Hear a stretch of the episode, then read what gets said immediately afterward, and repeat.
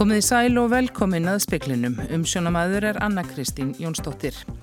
Málum fimm kvenna sem allar eru látnar hefur verið vísað eða verður vísað á næstu dögum til embættis landlæknis til rannsóknar vegna grunnsemda um mistök í skimun fyrir leghálskrabbaminni hjá Krabbaminsfélagi Íslands. Um 40 slík mál er á borði lögmanns. 15 af þeim 19 smittum sem greindust í gær eru með nýtt afbreyð af kórnverunni sem á rekja til franskra ferðamanna. Smittrakning gengur vel að sákn yfirmanns smittrakningar teimis almannavarna. Katrín Jakobsdóttir formar Vafge segir leitt þegar leiðir skilur aðspörðum úrsögn Rósu Bjarkar Bernílastóttur Þingmanns og Flokknum en hún kom ekki á óvart. Rúmlega 450 greindust með kórnumveru smitt í Danmörku í gær, fleiri en nokkru sinni hafa greinst þar á sólarring. Málum tveggja kvenna verður vísað til embættis landlagnis til skoðunar og frekari rannsóknar eftir helgi vegna grunn semta um mistök í skimun fyrir leghálskrabbameini hjá Krabbaminsfélagi Íslands. Þar meðverða fimm slík mál á borði landlagnis, tveimur hefur þegar verið vísað ángað og í dagað og morgun á að vísa því þriðja til embættisins. Allar konunnar fimm eru látnar. Sævar Þór Jónsson er lögmaður kvennana. Honum hafa borist um 40 mál eða ábendingar um hugsanleg mál vegna mistaka í skimun hjá krabbamennsfélaginu. Hann segir ekki útilokkað að fleirum verði vísa til landlæknis. Þetta er alls konar mál sem varðar þá þessar skimanir hjá krabbamennsfélaginu en við höfum tekið þau mál eh, sem við teljum að sé mikla líkur á að, að geti átt við að að það hafi átt sér stað mistök. Sævar segir að konurnar sem málinn 5 varða hafi farið í skimun á 6 ára tímabili. Þetta er eh, tímabilin frá 2012 er elsta málið núna og fram til 2018. Hversu margar á sem 5 konum eru látnar? Það eru allar látnar eh, sem fara til andlæknis. Eh, þau mál sem við erum með til skoðunar Það er að segja að þau sem fara núni í þessari viku eru, það er einstaklingar sem eru lafnir og uh, það er álíka við í þeim tilvikum sem fara eftir helgi. Hversu gamlar voru þessar konur þegar dó? Þetta er frá 30 upp í 60 aldur. Sagði Sævar Þór Jónsson, Anna Lilja Þóristóttir talaði við hann. Fólk sem sækir vinnveitingastæði á stóran þátt í nýri bylgu koronaveiru faraldusins hér á landi. Þetta sagði Þórólfi Guðnason, sóttvarnaleknir, á upplýsingafundi almannavarna í dag. Smittrakning gengur vel en yfir maður smittrakningar teimis almannavarna segir að smittin tengist mörg innburðis og margir eigða sammeilegt af að heimsótt öldurhús á sama tíma. 38 hafa greinst með COVID-19 á síðastlinum þremur sólarhingum og þriðjungur smita tengist vínveitingastöðum. Sóttvarnalæknir sagði á upplýsingafundi almanvarna í dag að í ljósi þessa myndi hann leggja til hertar sóttvarnaraðgerðir á höfuborgarsveðinu í minnisbladi til heilbreyðsir á þeirra. 15 af þeim 19 smitum sem greindust í gær eru með nýtt afbreyði af koronavirunni. Það hefur verið rakið til tveggja franskra ferðamanna sem greindust með veiruna hér á landi um meðjan ágúst. Sjö af þeim 13 sem greindust í fyrradag reyndust einnig vera með þetta afbreyði og hafðu þau öll sótt sama öldurhúsið. Jóhann Björn Skúlason, yfir maður smitrækningardeildar almannavarna, segir að smitrækning gangi vel.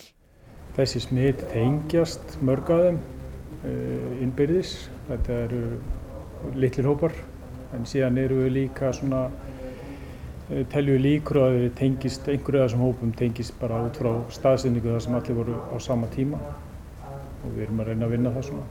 Er það þá þessi vínveitingastæður sem hefur verið nefndur? Já, við teljum líkur að, að, að þessir hópar hafi verið útsettir á þeim stað á sama tíma. Saði Jóhann Björn Skúlason við Solveigu Klöru Ragnarsdóttir, Þórhildur Þorkelsdóttir tók saman. Almannavarnadeild, ríkislauglustjóra og sótvarnalæknir hafa ákveðið í samráði við eigundur kráarinarði í Irishman Pub að bóða þá sem sóttu staðinn föstu daginn 11. september í sínatöku. Fram kemur í tilkynningu sem barst rétt fyrir fréttir að talið sé að fjöldi fólks hafi verið útsett fyrir smiti inn á staðinum þann dag, það er föstu daginn 11. Tekið er fram að ekkert bendi til þess að sóttvörnum hafi verið áfátt á staðinum en alltaf sé hætta á smiti þar sem fjöldi fólks kemur saman. Þeir sem voru á staðinum eru beðnir um hafa hægt um sig þar til sínataka hefur farið fram og neikvað niðurstaða líki fyrir. menn getur, geta pantað sínatöku með því að fara inn á heilsuveru.is á morgun. Alvarlegt slís varði í spennustöð Orkubús vestfjörða við önundarfjörð síðdeis í dag, rafmakslaust varði í fyrðinum en verið er að skoða aðstæður. Elias Jónatansson, Orkubústjóri, hefur staðfest að alvarlegt slís hafa átt sér stað en getur ekki tjáð sig um tildrög þess.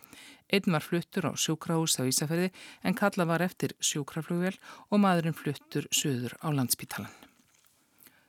Rósa Björk Brynjólfsdóttir, þingmaður, hefur sagt sig úr þingflokki vinstri reyfingarna græns frambóðs og úr flokknum. Í yfirlýsingu hennar segir að nýleir atbyrðir varandi egifska fjölskyldu sem átt að vísa á landi í gerð morgun og viðbröð ríkistjórnarinnar hafi orðið til þess að hún eigi ekki lengur samlið með Vafgi. Í vetur sagði Andrés Ingi Jónsson þingmaður sig úr vinstri reyfingunni grænu frambóði. Katrín Jakobsdóttir er formaður Vafgi. Uh, Rósar er þetta annað tvekja þingmanna Vafki sem ekki stuttu ríkistórnarsamstarfið upp að þessa kjörtímabils. Þannig séð kemur þessi úrsögna ekki óvart en eins og ég segi það breytir því ekki að, að það er aldrei gaman þegar leiðir skilji. Tveir þingmenn búinir að hætta á þessu kjörtímabili, það hlýtur að vera ágefni? Já þetta er svo sem ekki alveg ókunnulegt viðfángstæfni. Uh, þegar vinstri reyngin grænt frambóð var í ríkistjórn með samfélkingunni 2009-13 þá voru það einir fimm þingmenn sem yfirgá okkur Þannig að við skulum segja það að þetta er ekki alveg uh, engin nýlunda fyrir okkur. Saði Katrín Jakobsdóttir við Höskuld Kára Skram og hún á ekki vona því að úrsögnin hafi áhrif á ríkistjórnar samstarfið. Hlutafjáru útbóði Æslandir lauk klukkan fjögur, stemt var að því að sapna alltaf 23 miljórum króna í útbóðinu. Æslandir hefur þegar samið við Íslandsbanka og Landsbanka um kaup á hlutabrifum fyrir 6 miljardar. Kaupin eru að há þeim skilurðum að Æslandir náið að sapna að minnstakosti 14 miljórum í útbóðinu. Ástís Ír Péturstóttir, upplýsingafulltrúi Æslandir, segir að niðurstóða útbóðsins verið kynnt þegar allt likur fyrir, það geti tekið tíma. Fyrir fram að búist við niðurstöður eru ekki ljósar fyrir en á morgun.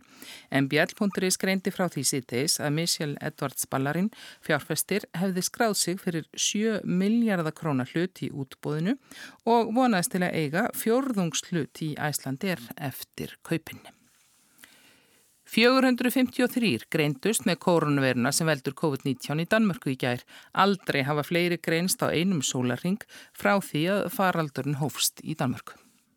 Alls voru 882 síni jákvæð síðustu tvo daga samkvæmt smitt sjúkdómastofnunu Danmerkur en ekki var und að greina frá fjölda smita í gær vegna tæknilegra örðugleika. Samanlagt hafa nú rúmlega 21.000 greinst með veiruna í landinu. Alls eru 60 inni á sjúkrahúsi vegna COVID-19 og hafa aldrei verið fleiri. Þrýr þeirra eru á gjörgeslu deildaðsögn danska ríkisútvarpsins. Politíken greinir frá því að gripið hafi verið til harðari smitvarnar ástafana á kaupmannahafnar svæðinu vegna fjölkunar smita þar. Það sama hefur verið gert í Álaborg. Þar er aðgangur að vínmeitingastöðum nú bannaður ef fólk hefur ekki sótt rakningarapp í snjálfsímansinn. Þá hafa bæjar yfirvöld byðlað til ungmenna um að róa sig í skemmtaralífinu, faðmast minna og vera færri saman. Danir verða nú einnig að láta sér það linda að fara í sótt kví þegar þeir ferðast til Noregs, í það minsta þeir sem koma frá Sjálandi og Norður Jótlandi. Danir gáðu svo út uppfærðar upplýsingar um ferðalög til útlanda. Þar var Hollandi, Portugal, Sviss og Östuríki bætt í hóp ríkja sem ekki er ráðlagt að ferðast til nema af algjöri nöðsinn. Ísland er þegar á þeim lista. Róbert Jóhansson sagði frá. Flugfélög í Asi og Ástralju hafa brugðist við ákalli ferða þyrstra og bjóða nú upp á ferðalög án áfangastæðar. Lagt er upp frá flugvelli, flóið um í nokkra klukkutíma og lemt aftur á sama stað. Sjö klukkustunda flugferði yfir óbyðir Ástralju og kórarrifið mikla utan við austurströndina seldist upp á tíu mínútum. Ástrálska flugfélagi Qantas býður upp á þetta ferðalag og bætist við það í hóp flugfélaga engum í Asíu sem bjóð upp á ferðalög án áfangastadar. Samtök flugrekenda í Asíu og við Kirrahaf hveða ferðatakmarkanir vegna koronaveiru faraldursins hafa valdir hruni sem nefnur ríflega 97% í millilandaflugi til og frá svæðinu. Mart fólk sem hefur indi af ferðalögum saknar flugferðana. Til að bregðast við því hafa flugfélög því brugðið á þetta ráð sem ásandi að gleðja flugfarþega heldur flugmönnum í þjálfun og getur bætt erfiða fjárhagstöðu flugfélagana. Ferðalangar í flugferð Kvantas siti um borði í Boeing 787 þóttu sem flógið er í lítilli hæð. Slíkar þóttur eru yfirleitt notaðar til óra langra flugferða heimsálfa á milli. Út um gluggana geta farþegarnir notið þess að verða fyrir sér náttúrulandsins, Úlúrufjall, Kóral rifið mikla og hafnarsvæðið í Sidney áður en lendir aftur á Sidney flugvelli. Miðarnir kosta sem nefnur 80 til 380 þúsundum íslenskar króna eftir því hvar í vélinni setið er. Talskona flugfélagsins segir flugmiða sennilega aldrei hafa selst því að pratt í sögu félagsins. Hún telur að fólk sakni ferðalaga og flugsins sjálfs og því verði án efa bætt við útsýnisferðum af þessu tægi þar til landamæri verði opnuð að nýju. Markus Þóraldsson saði frá. Eins og framkom hér hjá okkur áðan þá hafa síðustu þrjá sólarhinga hátt í 40 greinst smittaðir á höfuborgarsvæðinu af kórunuveiru, aðalega ungt fólk. Tveir þriðju þeirra sem greinst hafa verið utan sótt hver og með kórunuveiru smitt. Á fundi almannavarna greindi sóttvarnalækni frá því að nýr stopna veirinu væri komið til landsins og bóðaði hertar sóttvarna aðgerðir. Það byrjuðu handáskendar skimanir hjá heilsugjastlun og höfuborgarsvæðinu í dag fyrir koronaviru. Þangað höfður bóðar um þúsund manns í dag og annað eins á morgun og svo skimun beinist af fólki sem er enkjena laust. En koma fólks með enkjeni til heilsugjastlunar hefur aukist mikill. Sigriður Dóra Magnúsdóttir er framkvæmdastjóri lækninga hjá heilsugjastlun og höfuborgarsvæðinu. Sigriður Dóra, það kemur kannski ekki óvart að það fjölki hjá okkur þegar smittunum fjölkar svona líka. Nei, vissulega. Þetta var sem viðbúið og fyrir utan það sem er náttúrulega líka komið haust og haustpestar, það er líka mikið hverpestar en, en þetta er aflegging af auknum smittum í samfélaginu. Áttu vonað að bæti enni á morgun? Já, við eigum nú alveg svona því og við erum allavega að gera okkar besta til að mæta miklum fjölda. Og hvaða ráðstafanir hafið þið gert til þess að, að mæta þessum aukna þunga? Bæði erum við búin að bæti í með mannskap inn á Suðunarsbröð þar sem þessi sínuð tekinn, bæði ferðamannaskimininn sem er nú ekki árið mikil í dag en svo einnkjena sínatakan og nú bætist við þessi tilílunni kenta skimin líka. Þannig við erum búin að bæti í mannskap, bæði uh, fagfólk og fólk sem búið að þjálfi í sínatökur. En svo er líka er búið að vera að vinna mjög satt í samfunni við landlækni og, og, og, og fleiri að meiri sjálfvirkni í pöntun og sínutökum. Þannig að eh, nú vonandi á morgun þá verður komið tilbúið í helsuvöru að þeir sem eru með enginni sem geta gefið grun um COVID geta panta sem skráð það niður í helsuvöru og fá þá veintanlega tíma í sínutöku. Eh, það er eins og komum við fram hérna áður núna er verið að kalla inn fólk beininis eða byggja fólk að koma sem var á ákveðnum stað í borginni núna á, á förstu daginn var og, og það getur verið tölveru fjöldi. Já, það er tölveru fjöldi. Ég veit ekki alveg, en væntalega myndi það bara vera tekinn þessi síni inn á Suðunarsbröð líka. Þeir munu fá, fá skilabóð frá landlæknum að, að skrá sig eða hvernig þeir eru að bera sig að sá hópuð. Það hefur svo sem komið fram áður að þetta er, eins og nefndir, þetta er, núna er við komin inn í flensu tíma, það hefur verið gríðarlega mikið álaga á helskeslinni undarfarna mánuði. Það hefur verið gríðarlega mikið álaga og mikið þyngt og mikið komið og uh, þannig að, að vissulega höfum við áhugir af því en að starfsfólki okkur orðið þreytt en við, það, það er ekkit annað í búið en að handa áfram þessar aðstöður. E, það er verið að tala um hertar aðgerið kannski mögulega á, bara á höfuborgarsvæðinu eða einhverja svæðisbundar aðgerið. Finnst þér það ráðlegt eða telur það að vera hyggilegt? Ég held að náttúrulega við getum ekki að horta á þessa áframhaldandi fjölgun á, á, á, á veikildum en ja, þannig að er til þess kemur að þetta heldur áfram þá verður við náttúrulega mæti því með hert, hertum aðgerðum. Það er alveg nokkuð ljóst en svo líka að fólk bara gleymi því ekki þetta er alvara, þetta er í gangi og gleym ekki, það má ekki gefa afslætt á þessum personabundum sóttörnum. Nú hefur, nú hefur náttúrulega verið hamrað á þeim stöðugt en þið finnst þér það bera á því þá náttúrulega kannski uh, það verður að tala um, um einn metra í staðin fyrir tvo, gefur það fólki eitthvað fallstöður ekki? Já, ég held bara líka bara að uh, við bara leiðu aðeins allt róast í umkörnu þá bara fer maður eftir að hafa fyrir sem að gerði áður En nú þarf aðeins að fara að skerpa því að við þurfum að handfóttu, sprittun, fjarlagð. Það munir ekki öllum einni að tvo metra þar aðalega bara að vera ekki mikill námt. Þakkaði fyrir þetta Sigriði Dóra Magnúsdóttir.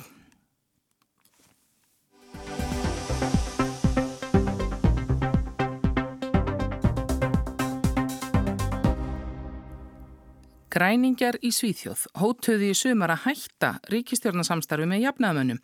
Þetta var vegna ágreiningsum innflytjandamál en flokkarnir hafa líka átt í hörðum deilum um umhverfismál vegna fyrirhugaðrar risa oljuvinnslustöðvar á vestuströnd Svíþjóðar.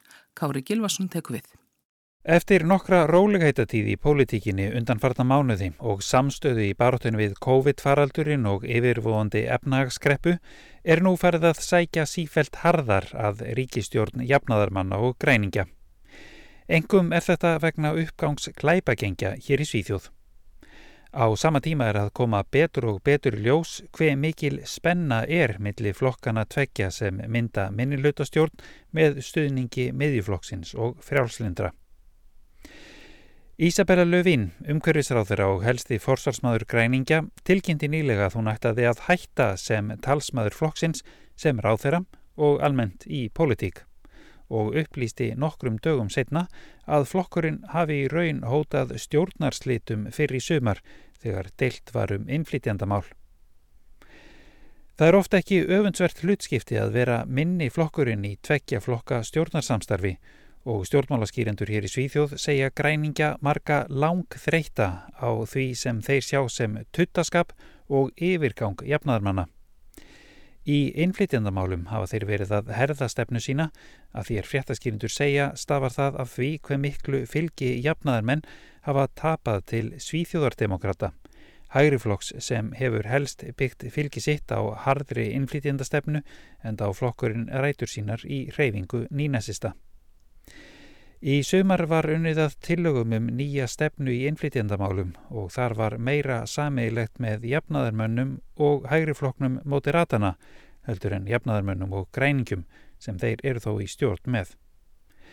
Meðal annars var lagt til að gera það að skilirði fyrir dvalarleifi hér í Svíþjóð að fólk síni fram á kunnáttu í sænsku og þekkingu á sænsku samfélagi og taka upp fjöldathagmarkanir á því hver margir geti fengið hæli í Svíþjóð á ári óháð því hver margir uppfylli skilirði fyrir alþjóðlegri vernd.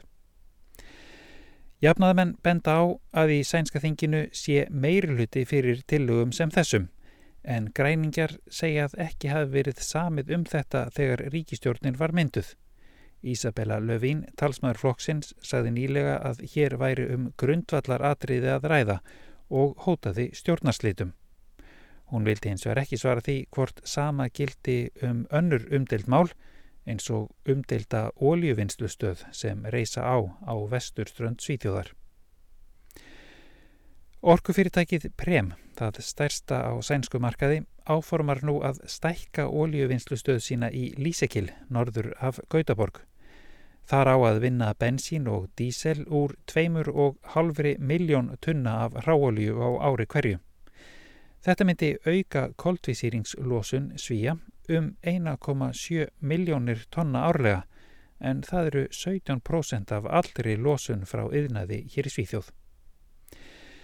Andstæðingar ólífinnslustöðvarinnar segja að þar með gætu svíjar glimt því að ná markmiðum sem sett að verið í lofslagsmálum. Ólífinnslustöðin sé tímaskekkja. Prem segir aftur á móti að nýja ólífinnslustöðin byggja á nýri og umhverfisvætni tækni og þar er því útblástur mingaður með því að auka nótkun endurníjalags eldsneitis og með því að fanga og geima kólefni. Græningar vilja samt sem áður að ríkistjórnin stöðvi byggingu og lífinnslustöðvarinnar. Jafnaðmenn benda aftur á móti á að fjöldi fólksfái atvinnu verði ólíuvinnslustöðin byggð auk þess sem tilkoma hennar myndi draga úr heildarlosun í heiminum þar sem hún er umhverfisvætni en sömur sambærilegir kostir í öðrum löndum. Hér er komið annað grundvallarmáli í pólitík græningja. Flokkurinn hefur lengst af haft mikla tiltrú kjósenda í umhverfis og loftslagsmálum. Um 60% kjósenda hafa talið stefnuflokksins þá bestu í loftslagsmálum. en þeim hefur fækkað og nú eru aðeins um 20% þessarar skoðunar. Og nú vill flokkurinn stöðva olívinnslustöðuna. Hvernig það mun ganga skal ósagt látið. Prem hefur þegar fengið grænt ljósa á framkvæmdir hjá umhverfistómstól þótt mikil mótmæli hafi verið gegn áformunum. Það er því ekki að undra hver brósmildir þeir voru, tveir ráþeirar græningja þegar þeir kynntu stór aukin fjárframlög í umhverfis og lofslagsmálum á bladamannafundi á mánudag. Vi eh, behöver lösa två kriser samtidigt, coronakrisen och klimatkrisen.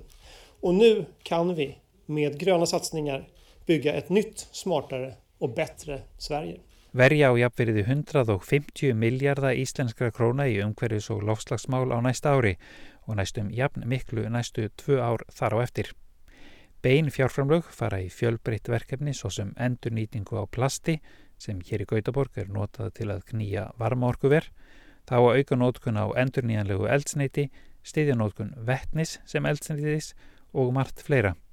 Þá á að verja votlendi og svæði sem eru mikilvæg út frá náttúruvendarsjónarmiðum og auka rannsóknir. Um helmingur fjárins fer í samgöngur endurlínalegt eldsneiti, lestarsamgöngur, almenningssamgöngur og bættar aðstæður til hjólriða. Stemt er að því að koldvísýringslósun vegna samgangna innanlands í Svíþjóð árið 2030 verði 70% minni en hún var árið 2010. En það stendur líka til að breyta henni gríðar miklu yðnframleyslu í Svíþjóð og gera umhverjusvætni. Til viðbótar við beinu fjárframlögin mun ríkisjóður ábyrgjast lán upp á alltaf 750 miljardar íslenskra króna til fyrirtækja sem vilja ráðast í grænar fjárfestingar. Jafnverið 150 miljardar íslenskra króna í bein fjárframlög vegna umhverfis og lókslasmála og svo 750 miljardar í ábyrðir vegna lána í landi með 10 miljónir íbúa. Á Íslandi væri sambærilegt tala miða við höfðatölu um 5 miljardar í fjárframlög og 25 í lánaábyrðir. Þetta er talsvert, en upphæðin er þó aðeins einn tíundi af þeim 1500 miljardum íslenskra króna sem sænska ríkið ætlar að verja á næsta ári til að mæta efnagsáhrifum koronagreppunar.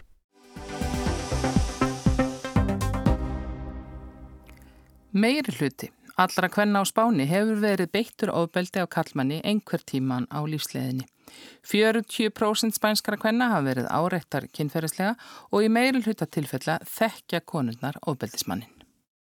Undir lok ágústmánadar fannst lík 33 ára konu í farangurskemslu bifræðarinnar í Valencia. 29 ára sambílismæðurinnar var þenn að bana, setti líkið í skottið og flúði til Sviss þar sem hann var handtekinn. Konan er 31. fórnarlamp heimilisofbeldis á Spáni á þessu ári en alls hafa 1064 konur verið myrtar af eiginmanni eða sambílismanni hér í landi síðan skráning kynböndis ofbeldis hofst árið 2003. Þessi tala 31 kona myrt í heimilisofbeldi er þrátt fyrir allt lág í samanbörði við fyrri ár. Það gæti gefið fyrirheit um að það sé að draga úr kynbundnu ábeld á spáni. Eða hvað? Nei, það er ekki alveg svo gott. Nýjar tölur frá símalínu þar sem konur sem beittar eru ábeldi geta kallað eftir hjálp benda í gagstæða átt. Á þessu ári hefur verið hringt í 016 rúmlega 50.000 sinnum og það er oftar en nokkur sinni fyrr en línan var opnuð sama ár og fari var að halda skrá yfir fjölda látina fórnarlampa heimilisofbeldis árið 2003. Framan af árinu leit út fyrir að ofbeldið væri í rénun miðað við simringingar en svo brast á með COVID. Spátn setti alla borgaralandsins í útgöngubann og það hafði mjög slæm áhrif á mörg sambönd. Fólk mátti ekki hitta vini sína, nágranna, ættingja, engan nema maka sinn. Þetta leiti til þess að símtölum til hjálparlínunan fjölgaði þegar í april og þeim fjölgaði enn meir í mæ og júni þanga til fólki var aftur lift að fara á ról. Og samhliða þessu greina fjölmilar frá því að allt stefni í nýtt met í fjölda hjónaskilnað á þessu ári og að í ár verði í fyrsta sinn í sögunni fleiri skilnaðir á spáni en hjónavíkslur. Og heimilisofbeldi og kynbönduð ofbeldi hefur lengi verið útbreytt hér á spáni.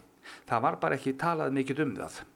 En með auknu jafnbreytti hefur umræðan opnast og fjölmiðlar hafa reglulega fjallat um þetta megin. Stjórnvöld hafa reglulega reyndað kortleggja ástandið og í síðustu viku voru kynntar niðurstöður konunarinnar ofbeldi gegn konum sem nú var gerð í sjötta sinn. Niðurstöður hennar benda til þess að 57,3% kvenna 16 ára og eldri á spáni hafi verið beittar ofbeldi. Þetta eru næstum því 12 miljónir kvenna. Ein af þessum miljónum kvenna er Marta sem bjó við stöðut ofbeldi af hálfu sambilismannsins í meira en 6 ár. Recuerdo esa época en la que cada mm, movimiento de mi vida estaba restringido y, y que tenía que pedir permiso para, para salir a la calle. Marta segir að allan þennan tíma hafa hún verið undir smásjá makasins. Hún mátti ekki hreyfa sig á þess að fá leifi og alls ekki fara út úr húsi nema með leifi sambilismannsins. Hablamos de un gravísimo problema de salud pública, de uno de los mayores problemas estructurales que tiene nuestro país. Þetta er eitt af alvarlegustu helbriðismálum þjóðarinnar, sagði Irene Montero, jafnbreyttismálar á þeirra, þegar skýstan var kynnt. Og þetta eru ekki syndir fortíðarinnar. Ein af hverjum fimm konum hefur verið beitt ábeldi á síðustu tólf mánuðum. Þessar tölur sína það misrætti sem við búum við í þessu samfélagi, þá risastóru gjá sem klýfur samfélagið sundur og sem við verðum að brúa, sagði Irene Montero þegar hún kynnti skýsluna, sem er engin smá smíði. 341 blaðsíða, en það var úrtakið stort, 9568 konur. Ráðherran benti jafnframt á að skýslan staðfesti hversu útbreytt áðbeldi gegn konum á spáni er. Það sé ekki einskorðað við pör, hjón eða fyrirverandi maka. Það sé að finna í hverjum krók og kima samfélagsins þar sem karlar og konur koma saman. Það sem kemur kannski einna mest á óvart í niðurstöðunum er að yngri konur eru miklu frekar beittar ofbeldi en þar eldri. 71,2% kvenna á milli 16 og 24 ára og 68,3% kvenna á milli 25 og 34 ára, andspænis 42% kvenna eldri en 65 ára. Það er engum tvent sem er talið útskýra þessar háu tölur hjá yngri konum. Nú var í fyrsta sinn spurt um ofbeldi af öllu tægi, ekki bara líkamlegt heimilisofbeldi og einni er talið að MeToo-hreyfingin hafið opnað augu yngri kvenna fyrir allskynns ofbeldi sem karlar beiti þær. 80% þeirra kvenna sem hafa verið beittar kynferðislu ofbeldi segja að þær hafið þekkt ofbeldismannin sem stríðir gegn þeirri staðalminn sem oft hefur verið dregin upp að nöðgarar og ofbeldismenn sjöu karlar sem fyrirvara lust ráðist á óþekkt fórnarlömp. Minnstur hluti ofbeldisins er kærður til lauruglu eða rétt um 8 af 100. 40% hvenna sem hefur verið nauðgað kæra ekki vegna þess að þær skammast sín og önnur 40% kæra ekki af því þær voru undir lögaldri. Rúm 36% kæra ekki af við að verða ekki trúað og 23% gera það ekki af óta við ofbeldismannin. Réttir að taka fram að í þessum hluta gátu konur gefið upp fleiri en eina ástæðu fyrir því að leita ekki til lauruglum. 32,4% hvenna hafa verið beittar áðbeldi, líkamlegu, kynferðislegu eða andlegu af hálfu makasíns. Einungis fymta hver kona sem beittir áðbeldi í sambúð kærir það til lauruglu. Konur á spáni hafa mótmælt áðbeldi hástöfum í margvíslegu mótmælaðgerðum. Síknudómum í nauðgunarmálum hefur verið mótmælt harlega en betur máðu duga skall og jafnbryttismálar á þeirra bóðaði við útgáfu skýslunar að settir þið saman ný aðgerða á öllum ríkistjórnarinnar til þess að draga úr og binda enda á þessa meinsemd í spænsku þjóðfélagi. que este ministerio comienza sus trabajos para la elaboración de una estrategia nacional contra las violencias machistas. Sagði jafnbryttismálar á þeirra spánar í Rene Montero. Jóhann Líðar Harðarsson, fréttarittari okkar, tók pistilinn saman. Það verður suðvestan góla eða kaldi og smá skúrir á morgun en bjart að mestu austanlands, hvessir og fer að rigna vestan til sent annað kvöld. Það var helst í fréttum að þriðjungur þeirra tæplega 40 kórnveira smita sem hafa greinst undanfærið má rekja til þriðjungin má rekja til skemmtistæðir í miðborginni. Gestir sem voru á kránið í Ærismann pub á föstudaginn hafa verið beðnir að koma til skimunar. Málum fimm hvenna sem allar eru látnar hefur verið vísað eða verður vísað á næstum dögum til landlæknis til rannsóknar vegna gurinnar um mistök í skimun fyrir leikálskrabba meini. Og Michelle Edwards Ballarinn fjárfestir hefur að sög skráð sig fyrir 7 miljardar krónar hlut í útbóði æslandir og vonast til að eiga fjórðungshlut í félaginu eftir kaupin. Fleiri ekki í speglunum í kvöld, tæknum að var Magnús Þorstin Magnússon veriði sæl.